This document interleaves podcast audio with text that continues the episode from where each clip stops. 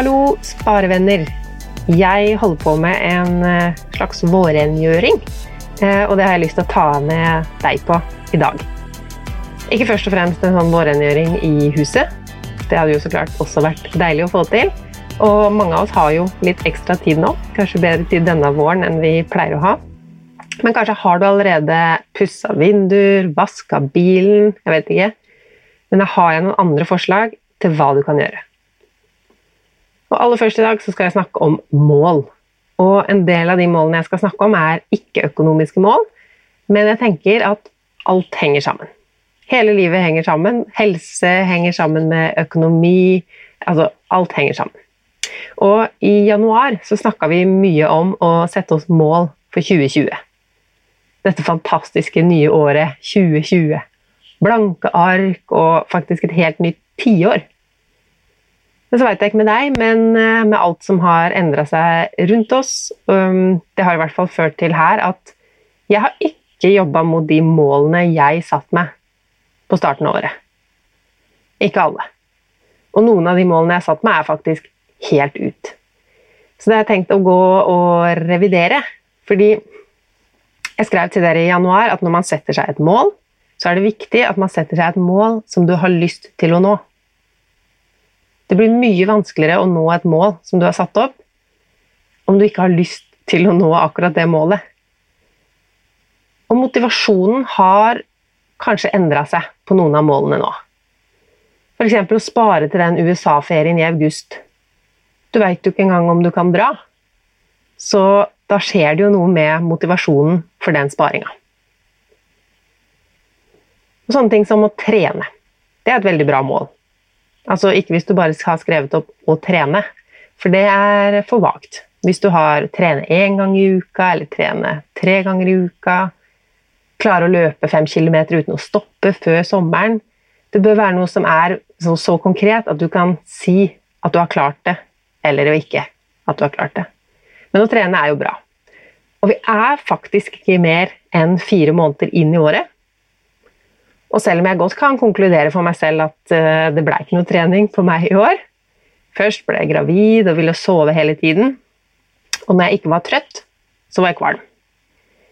Og så kom korona, og så kom sommeren. Ja, det ble ikke noe trening i 2020. Det er fine unnskyldninger, men de hjelper jo meg ingenting. Så det jeg må gjøre, er å sette nye mål. Nye mål for trening og for andre ting jeg på starten av året planla at jeg skulle klare å lage. Jeg hadde f.eks. lyst til å skrive en ny bok til dere, og det kommer ikke til å skje. Men jeg har fått lov å jobbe med noe helt annet, som jeg håper dere vil sette veldig pris på når det kommer. Noe jeg ikke visste at jeg kom til å jobbe med da året startet. Så ting endrer seg, hva vi vil gjøre endrer seg, og tilfeldigheter skjer. Så la oss se på mine mål. Eh, og det er jo eksempler. Du må ta utgangspunkt i det du hadde lyst til å gjennomføre i 2020. Og om du ikke hadde noen nyttårsforsetter eller mål, så kan du jo sette de opp nå. Det er ikke forbudt å begynne med nye mål fra 1. mai. Det trenger ikke engang å være første. Jeg hadde veldig mange mål for dette året. Så mange at jeg delte dem inn i kategorier. Og de kategoriene det var penger og sparing, familie og relasjoner, hjem, helse og business. Og først den med penger og sparing. Tidligere år har det jo det vært det eneste jeg har satt meg mål innen. Og jeg har hatt veldig konkrete sparemål. Jeg skal spare 300 000 i året, eller 350 000 i året i fjor. I år ble det helt umulig å sette opp en sånn type mål. Nå som jeg har en egen uforutsigbar business, som har blitt enda mer uforutsigbar, for dere som ikke har hørt eh, på Pengesnakk podkast før, så hadde jeg en fast jobb med god lønn fram til i fjor sommer. Og da starta jeg å jobbe med pengesnakk på fulltid. Så når året starta, 2020, og fortsatt, så aner jeg ikke hva jeg kommer til å tjene i 2020. Så da å kunne regne ut hvor mye jeg har lyst til og tenkt til og har som mål å spare, det er umulig. Forskjellen på hva jeg får spart, om jeg ender opp med å tjene 200 000 eller 1 million, det er jo helt forskjellig. Så det eneste jeg har satt meg opp som mål under penger og sparing, det er å følge med på matbudsjettet. For der kan jeg gjøre en forskjell fra måned til måned. De som kjenner meg, vet jo at jeg ikke bruker veldig mye penger. Men akkurat mat er jo en utgift, og det kan variere veldig mye. Så jeg satte opp for året et mål på å bruke under 4000 kroner i måneden. Vi økte jo denne til 4005, som vi snakket om i forrige episode. Var det kanskje episoden før der igjen? Jeg legger også ut et blogginnlegg nå om matbudsjettet. For hvordan klarte vi å spise for kun 3000 kroner i januar? 4000 kroner i februar? Eh, skrevet om alt som gikk skeis i mars, og om vi hentet oss inn igjen i april. Men jeg publiserer ikke det før på kanskje på onsdag, når jeg vet at vi er eh, helt ferdighandla for april. Jeg kommer til å dele både på Instagram og på Facebook-siden når det er klart. Så kan dere gå inn og lese, dere som også har lyst til å gjøre noe med matbudsjettet deres. Så hadde jeg mål i kategorien familie og relasjoner. Og det handler om at jeg hadde et veldig hektisk år i fjor. Med full jobb halve året i tillegg til pengesnakk. Vi flytta. Jeg skrev boken. Eh, det var mye reising på høsten da jeg holdt masse foredrag. Samtidig med innspurten av eh, boka jeg skrev. Og hva gikk det utover? Det gikk utover familie og relasjoner. Så Derfor satte jeg opp som mål at jeg ville bruke dette året til å være en bedre mor, bedre kone, bedre datter, bedre venninne osv. Men noen av de tingene jeg planla, og som jeg satte opp som mål, de går ikke. For jeg ville gjøre de målene målbare, så jeg skrev f.eks. hvor ofte jeg skulle møte venner. Ehm, og det satte jeg opp fordi når jeg da har vært en som ikke har tatt initiativ til å møtes på en stund, så kan ikke jeg regne med at alle vennene mine gidder å invitere meg like ofte lenger. Så da var 2020-året som jeg skulle ta initiativ, invitere hit til meg eller dra på besøk. Og det går jo ikke nå. Rett og slett. Jeg hadde også skrevet opp at Tom og jeg skulle ha barnevakt en gang i måneden. Jeg gikk kanskje litt hardt eh, ut der med en gang i måneden. Eh, siden Emrik ble født i 2016, har vi vel hatt barnevakt kanskje fem, maks ti ganger. Og da har det jo vært fordi vi skulle noe spesielt, altså i et bryllup eller en jobbreise, et eller annet sånt. Ikke, ja, aldri for at jeg og Tom skulle gå på date. Uh, men det går jo heller ikke nå. Ingen uh, barnevakter kan komme nå. Men vi har i hvert fall fått mye tid sammen. Og for oss Jeg kan jo skjønne at uh, folk blir gærne av å plutselig se hverandre så mye som vi gjør nå, men for vårt forhold har det faktisk vært bra å være så mye sammen utenfor en hektisk hverdag som vi jo hadde mye før, men mye sånn Ikke at vi var på så lange reiser, men det var småreiser hele tida. Bare alltid en trening eller noe som skjer på kvelden, og veldig få kvelder sammen. Men ja, familie og relasjoner. Um, der må jeg jo endre litt. Nå veit vi jo ikke hvor lenge vi ikke kan møte hverandre. Men eh, det jeg har tenkt på nå i denne vårrengjøringa, er å gjøre om målet fra å møtes til å ringes. Og de som kjenner meg, de vet at jeg ikke liker å snakke i telefon. Men det er den eneste måten jeg får vist at jeg bryr meg om folk nå. At jeg får høre hvordan de har det. Så blir det sånn. Um, jeg skjønner at de målene jeg har nå, ikke er relevante for kanskje så mange av dere. Så ikke heng dere opp i mine mål nå, nødvendigvis. Jeg går gjennom dette for å inspirere deg til å gå gjennom dine mål. Kanskje du må justere dem. Tenk for deg selv. Hva er det du vil oppnå? Og hva kan du gjøre for å nå de målene? Så er vi over på hjem. Og der hadde jeg skrevet opp et skikkelig dårlig mål. Jeg tenkte ikke at det var et dårlig mål da jeg skrev det, men det er det. Jeg hadde skrevet at jeg skulle minimalisere mest mulig. Og øh, det er jo ikke dumt å kvitte seg med ting, men målet var dårlig fordi det ikke er målbart. I fjor hadde jeg jo målet selge 100. Det skulle selge 100 ting, og det var jo veldig målbart. I år så er jeg mer på kasteren, altså fokuset i fjor på å selge ting. Vi selger fortsatt ting. Vi har vel hatt litt over 20, 22 kanskje. 22 salg hittil i år. Men hovedfokuset mitt var å få det mer ryddig overalt. Ikke bare å bli kvitt eh, et visst antall ting. Det er jo ikke sånn at det ser helt bomba ut uh, hjemme hos oss, men i skuffer og boder så er det absolutt rom for forbedring. Jeg er litt sånn rart forhold til det, fordi jeg tror det har med min At jeg alltid har vært så økonomisk, så har jeg hatt vanskelig for å kvitte meg med ting som jeg jo kan få bruk for en eller annen dag. Så tinga jeg rydder i nå, det er jo ting jeg har hatt fra jeg bodde på hybel, eller enda lenger siden. Liksom. Enten ja, klær og kopper og alt som jeg har hatt fra jeg var liten, liksom. Fordi jeg skaffer jo meg ikke så veldig mye nytt, tror jeg. Men det kommer på merkelig vis ting inn i huset allikevel. Og Tom, mannen min, som dere har blitt litt bedre kjent med i de siste episodene, han er heller ikke så flink til å kvitte seg med ting. Han er veldig flink til å stable ting og plassere, sånn at det ser kanskje ryddig ut, men det er fortsatt like mange ting.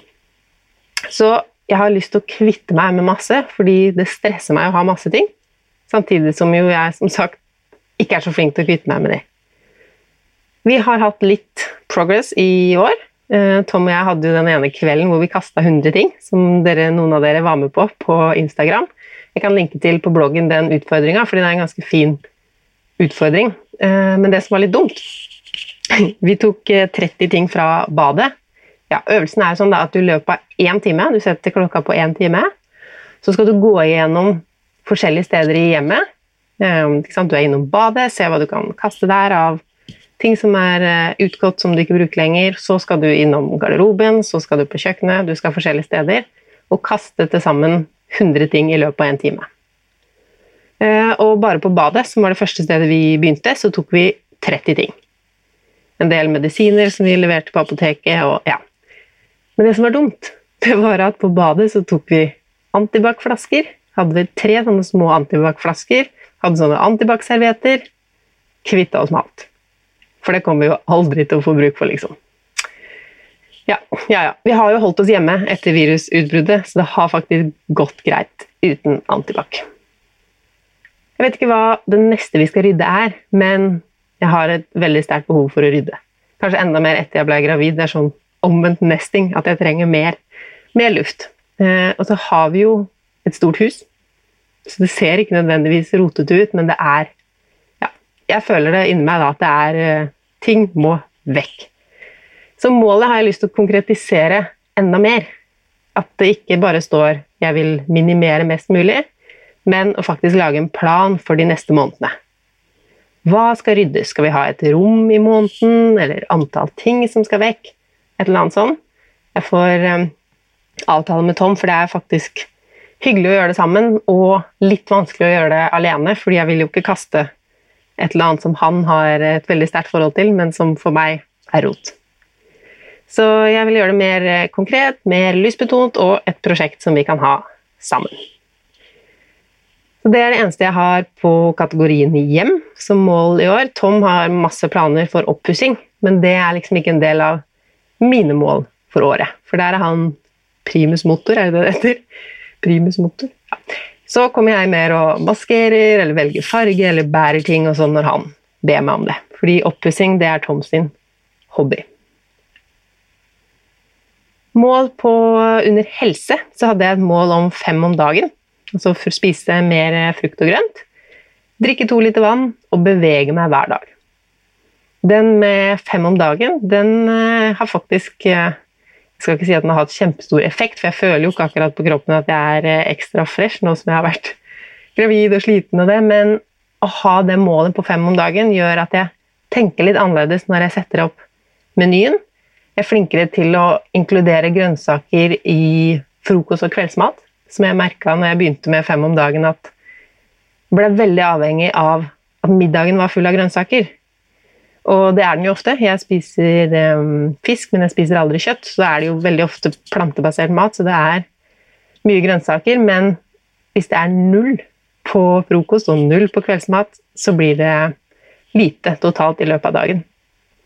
Uh, men det som var dårlig mål på helse, det var å bevege meg hver dag. Og det satt jeg nok fordi det er lenge siden jeg har vært flink til å trene. Jeg var det en gang i, i fortida. Det er lenge siden nå, og så ville jeg sikkert ikke presse meg for hardt da, eller tenke at jeg satte opp et mål som jeg ikke klarte å holde, men bevege meg hver dag. Det er for lett å jukse. Altså bare jeg har gått fra senga ned til kjøkkenet, så har jeg jo bevegd meg. Men i starten av året, når jeg hadde disse um, målene mer framme, så passa jeg på å alltid ta meg en gåtur, høre på en podkast som regel. De dagene jeg ikke skulle inn til byen eller noe annet aktivt, så tok jeg meg en gåtur fra hjemmekontoret. Men det har jeg ikke gjort i mars og ikke i april, um, så jeg må finne på noe. Det er jo ikke noe mindre viktig å være aktiv nå som jeg er gravid.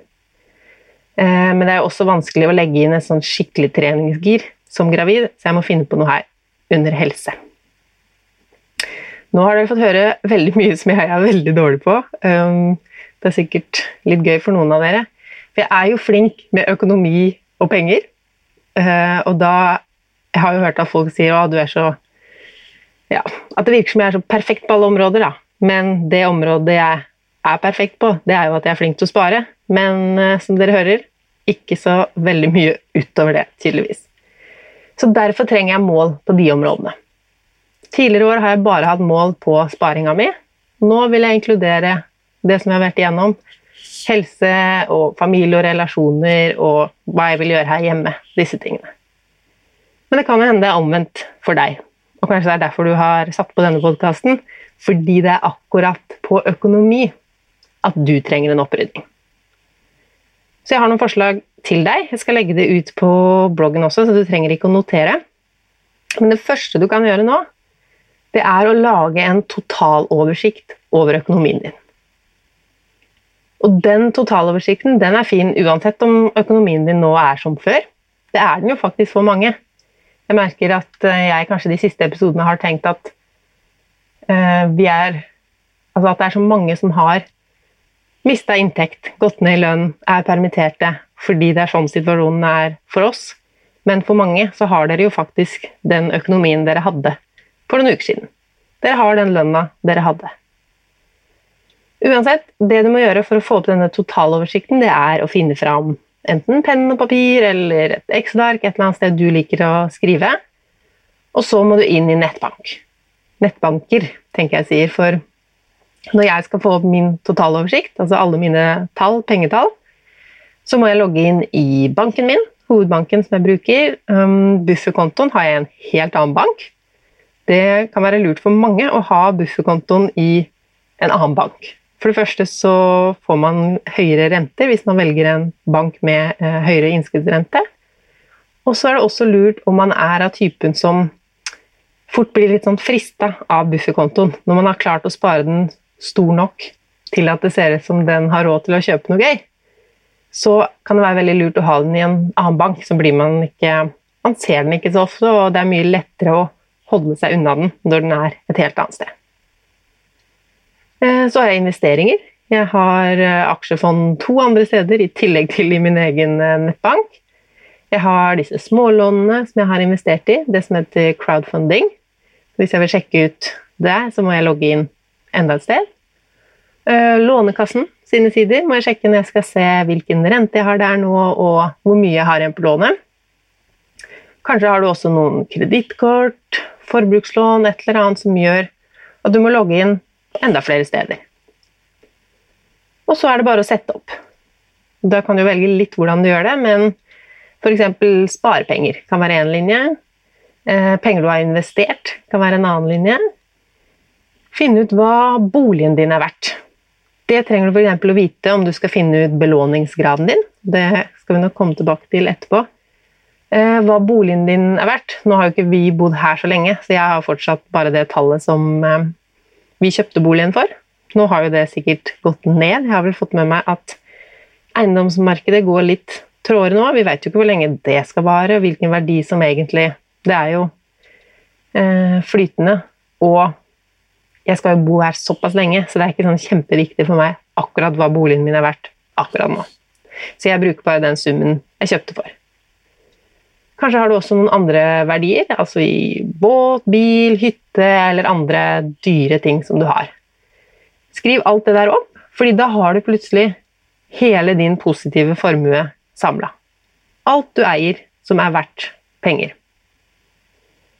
Og så har mange av oss også mm, en negativ formue.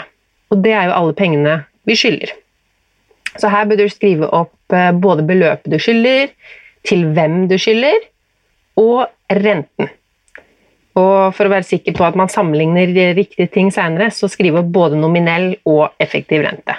Så ser vi at uh, hvis vi skal sammenligne noe, så, så, det, så, sammenligner vi epler med epler og pærer med pærer, som det heter. Uh, så for meg så er den negative formuen da boliglånet. 2,5 millioner. Uh, vårt samla boliglån er på 5 millioner, men jeg, ofte når jeg snakker om mine penger, så snakker jeg bare om min halvdel. og de tingene jeg har utenom med mannen min Tom. da. Så 2,5 millioner i boliglån og studielån på 115 000 kroner. Så når du har satt opp de tallene, så kan du faktisk regne ut din totale formue. Og en ting som er gøy, det er jo da å sjekke om din totale formue er negativ eller positiv. Hvis du har et hus, for å ta et eksempel, da. Hvis du har et hus som er verdt fire millioner. Du har eh, bil, båt, sparepenger, investeringer kanskje til sammen på én million. Så har du da fem millioner på den positive siden. Og så må vi trekke fra. Kanskje du har huslån på nesten tre millioner, litt andre kreditter og ja. Så ser du at din totale formue Nå snakker jeg ikke om hva skatteetaten ser på som din formue, det er litt viktig. For de tar f.eks. ikke med hele verdien av boligen for dere som eier egen bolig. Men det jeg snakker om nå, er den reelle formuen. Hvor mye du er verdt. Altså ikke hvor mye du er verdt som person, men hvor mye eier du? Så I eksempelet mitt hva ble det eh, hvis han eller hun ikke har noe gjeld utenom huslånet, så blir det to millioner i positiv formue. Det var ikke verst. Så sett opp og regne ut ditt tall. Jeg vet at for mange er dette en skikkelig motivasjon, å se på de tallene. Det er f.eks. Det er mange som har det sånn at de har mer lyst til å spare penger enn å betale ned gjeld. Og når vi snakker om dyr gjeld, så er det jo veldig lite lønnsomt å spare på noen annen måte enn å betale ned den dyre gjelda. Den beste sparingen, aller beste sparingen, er å betale ned dyr gjeld. Men så er det det at det merker du jo ikke på sparekontoen. Du ser jo ikke at sparekontoen vokser når du betaler ned gjeld. Så hvis du heller setter opp dette regnestykket på totalformue, så ser du det på totalen, ikke bare når du sparer penger, men også når du betaler ned gjeld, at formuen din øker. Og det er motivasjon. Så må vi prate litt om renter. Det er et av mine favorittemaer, kanskje. Gjelden din har ulik rente. Og den høyeste renta, det er den som haster mest. Og så er det et unntak her, da. Og det tror jeg mange driver og tenker på akkurat i disse dager, for det er studielånet. Dere som er ferdig med studier, og, men fortsatt har studielån, det er mange av oss.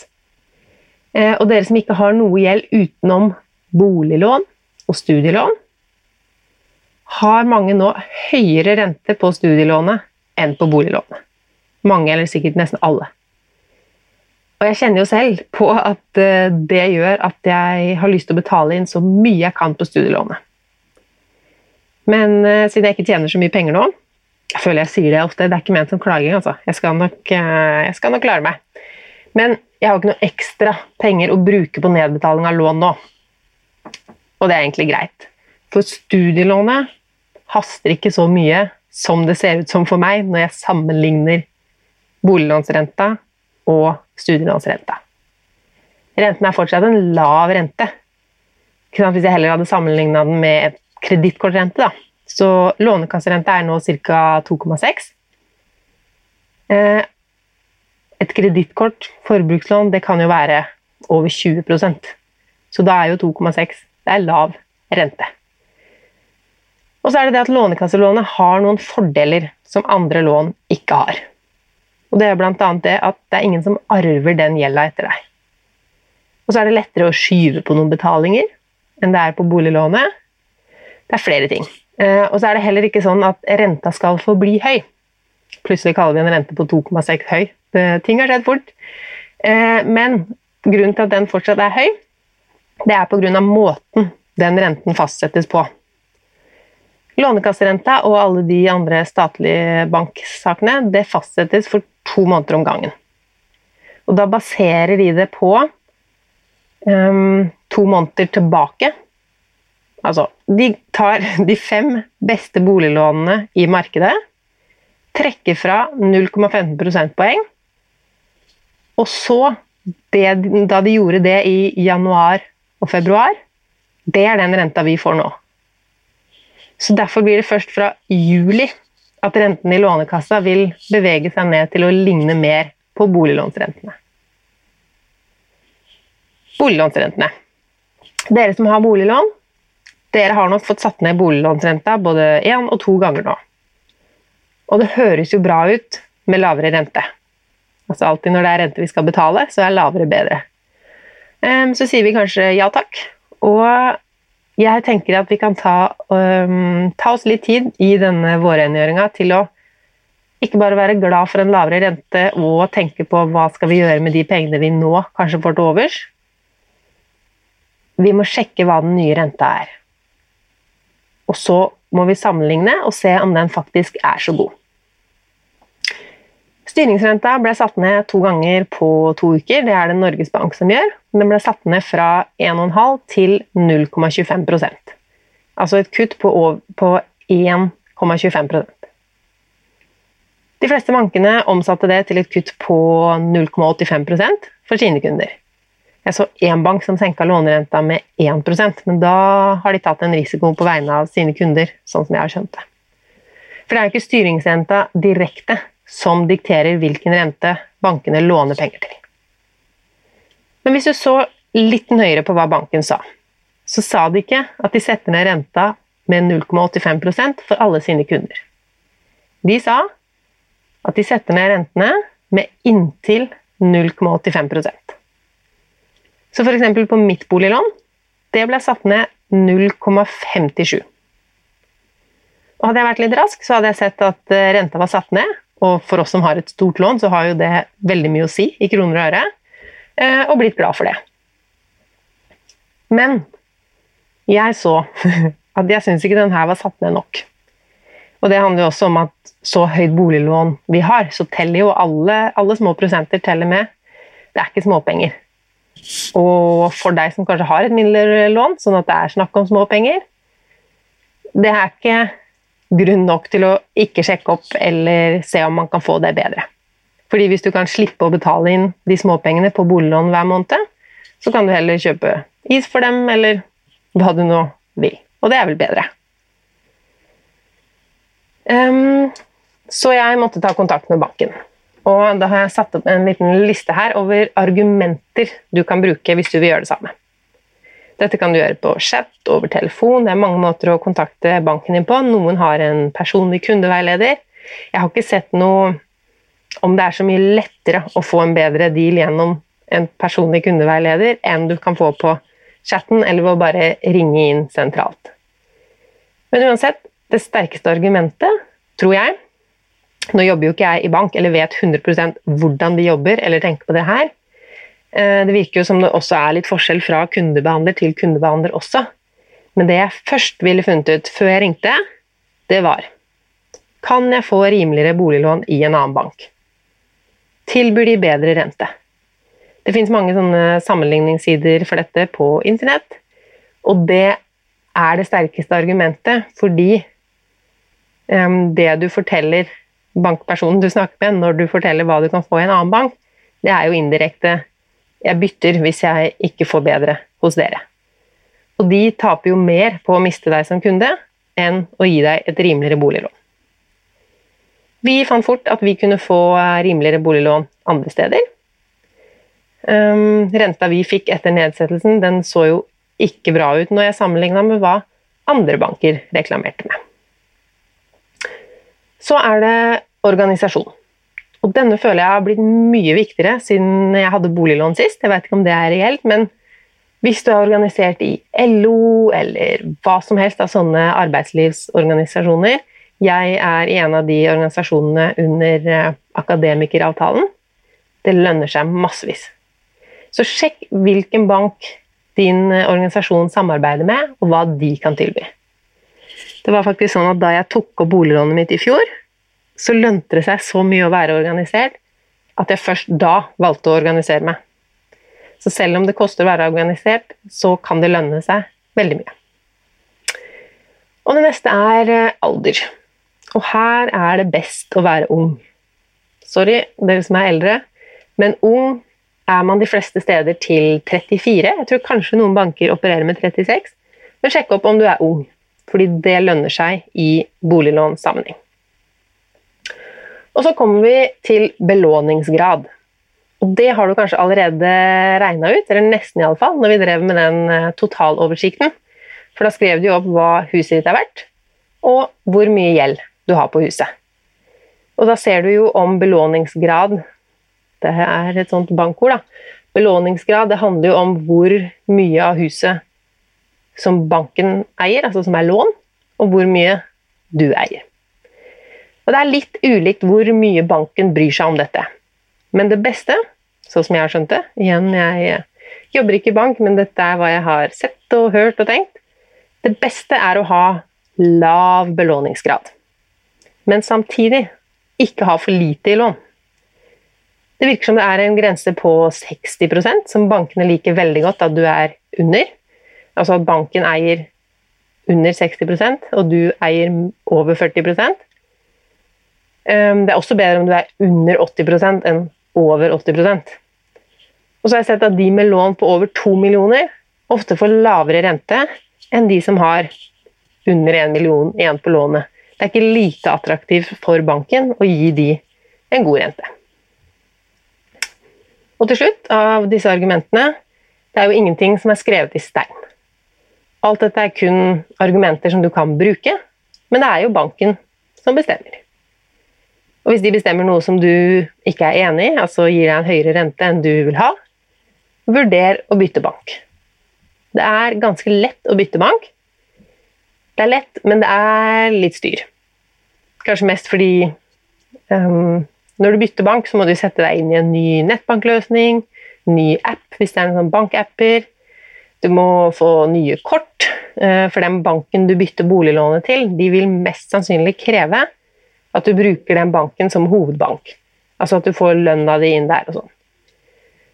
Så må du også fikse alle sånne avtalegiro, e-faktura, alle sånne faste overføringer mellom dine egne kontoer og ektefellene sine kontoer og barnas kontoer, alt mulig.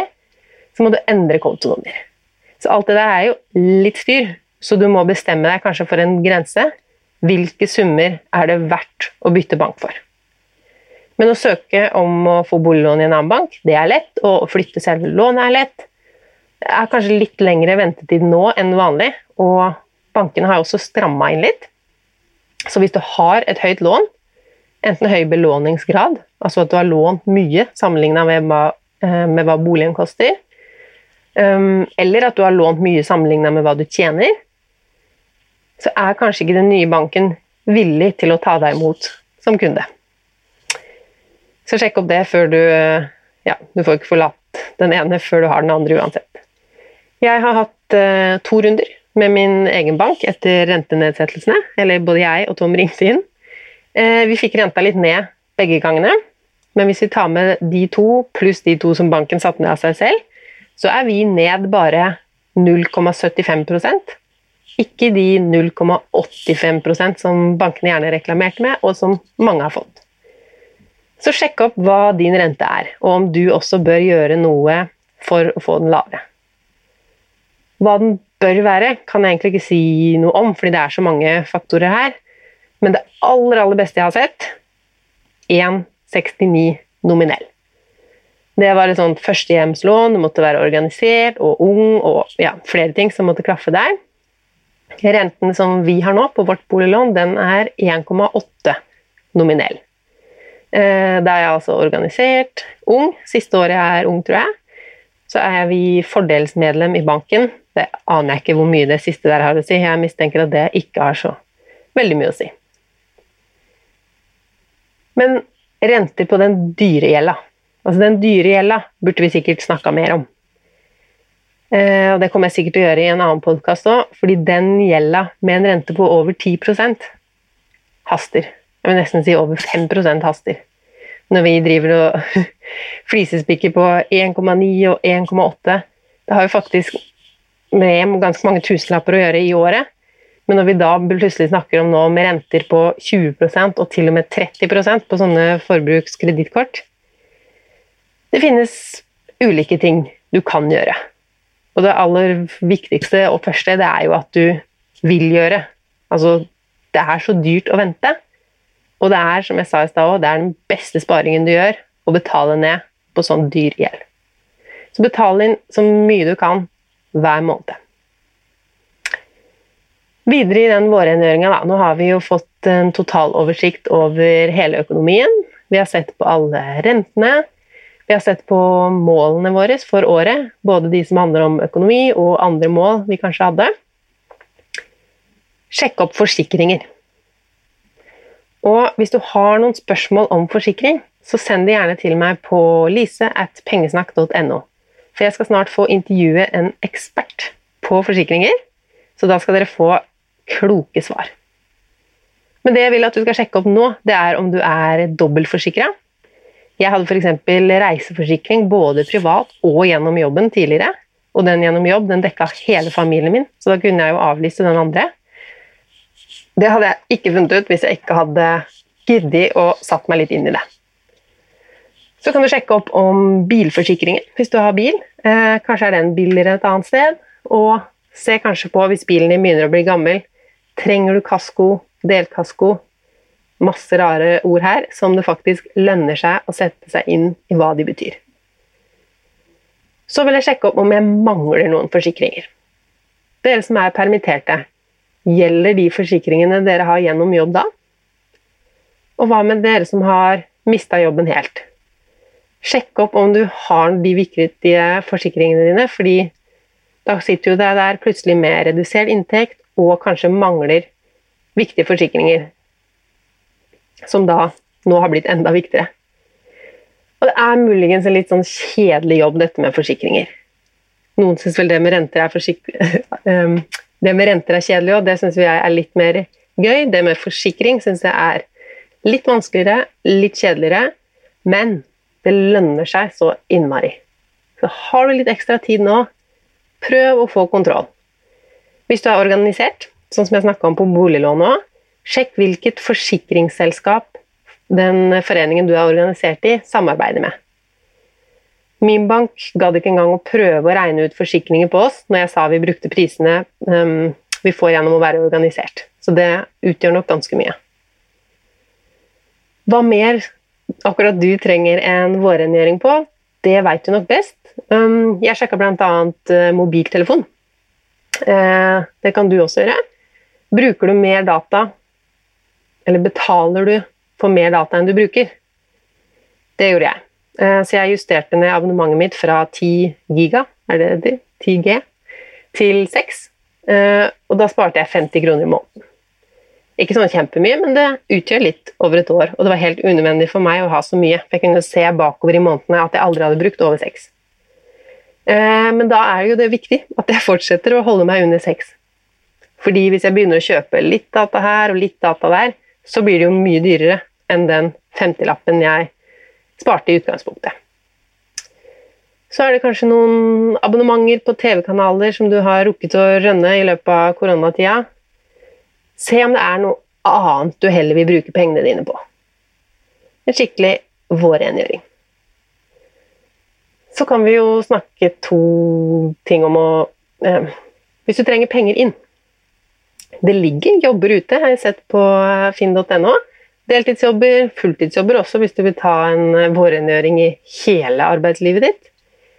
Det går an å få inn litt ekstra cash ved å selge rotet ditt. Det står det mye om på pengesnakk.no skråstrek selge 100. Der har jeg skrevet sånn mine beste tips til hva du skriver i annonsen og sånne ting. Hva mer? Det er mye man kan gjøre en vårrengjøring i, så sett opp ditt eget Eh, ark, kanskje. Hva vil du gå gjennom nå? Kanskje du har ekstra tid, kanskje har du ikke så mye tid.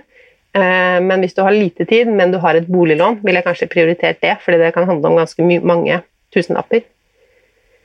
Så nå er jeg ferdig med å snakke for i dag, så da er det liksom over til deg. Å brette opp ermene og finne ut ditt totaltall. Hva eier du, hva skylder du, hva slags rente betaler du på lånene dine? Vi starter her i dag. Og for å gjenta meg selv Jeg har jo fått tilbakemeldinger på at jeg gjentar meg selv. Eh, og det er egentlig greit for meg at jeg gjentar meg selv. Fordi vi er på ulike steder, liksom alle vi pengesnakkere. Og noen ganger så må man høre noe flere ganger før man vil, eller gidder, eller skjønner, eller bare orker å ta tak i noe. F.eks. dette med forsikringer. Det er litt sånn Ja, jeg hører at jeg burde gjøre det, men så er det kanskje først nå at det passa for deg å høre det i dag, og at du har motivasjonen til å faktisk sjekke opp. Eller til å finne litt ut mer om hvilke renter du betaler. For det var det jeg skulle gjenta nå, noe jeg pleier å si. Hvis du ikke vet hvilke renter du har på lånet ditt, betaler du mest sannsynlig for mye renter. Tusen takk for i dag. Takk for at du hører på Pengesnakk podkast. Jeg setter alltid pris på tilbakemeldinger, også alle de negative som har blitt lagt igjen i det siste. Jeg vil jo aldri kunne gjøre alle fornøyde, til det så er vi for mange. Men jeg tar med meg alt uansett, så tusen takk.